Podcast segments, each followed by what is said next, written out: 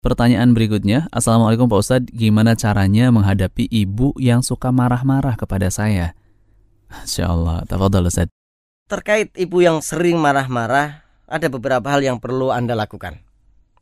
Pertama, Anda sebagai seorang anak bersabar menghadapi orang tua seperti ini. Sabarkan hati, mulut, tangan, dan semua anggota tubuh dari menyakitinya. Kemudian yang kedua, tampakkanlah kepadanya akhlak yang mulia dan ucapkanlah ucapan yang lembut lagi sopan. Kekasarannya jangan membuat Anda kasar kepadanya. Justru tampilkanlah akhlak sopan dan jangan sekali-kali menyakiti hatinya agar akhlak baik yang Anda tampakkan melunakkan ibu Anda. Ketika doakanlah orang tua Anda agar diberi hidayah dan yang keempat sesering mungkin Anda memberikan hadiah dan oleh-oleh kepada beliau agar hatinya senang dan lunak kepada Anda. Kelima, hindarilah kondisi di mana Anda akan berdebat dengannya kecuali bila Anda melihat atau mendengar kemungkaran yang harus ditolak, maka tolaklah dengan cara yang lembut dan penuh kesopanan.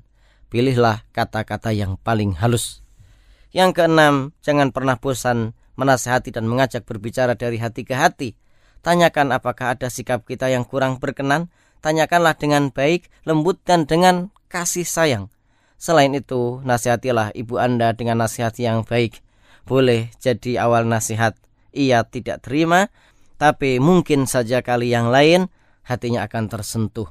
Nabi Ibrahim alaihissalam saja menasihati ayahnya berkali-kali, tidak cukup dengan sekali.